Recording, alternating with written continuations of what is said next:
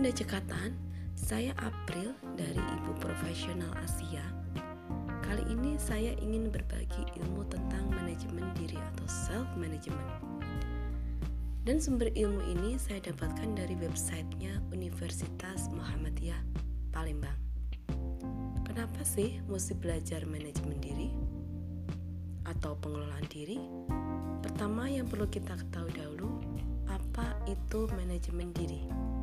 Menurut Chi, dalam bukunya yang berjudul Strategi Hidup Sukses, bahwa manajemen diri adalah di mana setelah seseorang menetapkan tujuan hidup bagi dirinya, ia harus mengatur dan mengelola dirinya sebaik-baiknya untuk membawanya ke arah tercapainya tujuan hidup. Manajemen diri juga merupakan sebuah proses merubah totalitas diri, baik itu dari segi intelektual, emosional, spiritual, dan fisik agar apa yang kita inginkan tercapai. Manajemen diri sangat penting untuk saat ini hingga masa yang akan datang. Kita akan mulai kebingungan apabila tidak adanya rencana yang tertata dalam kehidupan kita.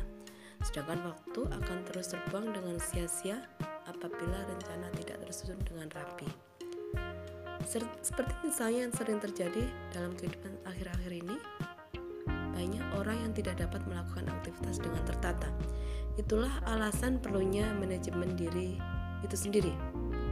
Apabila tidak ada manajemen pada setiap individu, akan terbayangkan betapa banyaknya orang yang akan stres karena bingung ingin melakukan kegiatan apa, apa yang harus mereka kerjakan dulu dan mulai dari mana mereka akan memulainya. Nah, Adapun manfaat dari manajemen diri. Yang pertama, kita bisa mengelola diri baik itu pikiran, perasaan, dan perbuatan sehingga dapat berkembang secara optimal. Yang kedua, dengan manajemen diri, kita merasa bebas dari kontrol orang lain.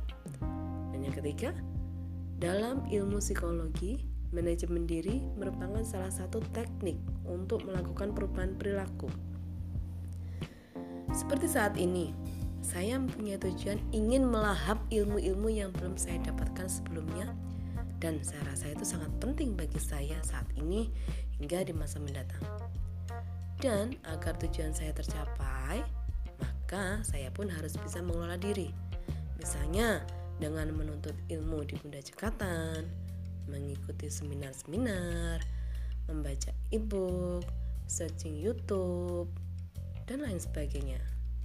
Jadi kesimpulannya, manajemen diri itu sangat penting bagi siapa pun agar target atau tujuan hidup tercapai dengan sebaik-baiknya. Begitu ya teman-teman, semoga bermanfaat. Wassalamualaikum.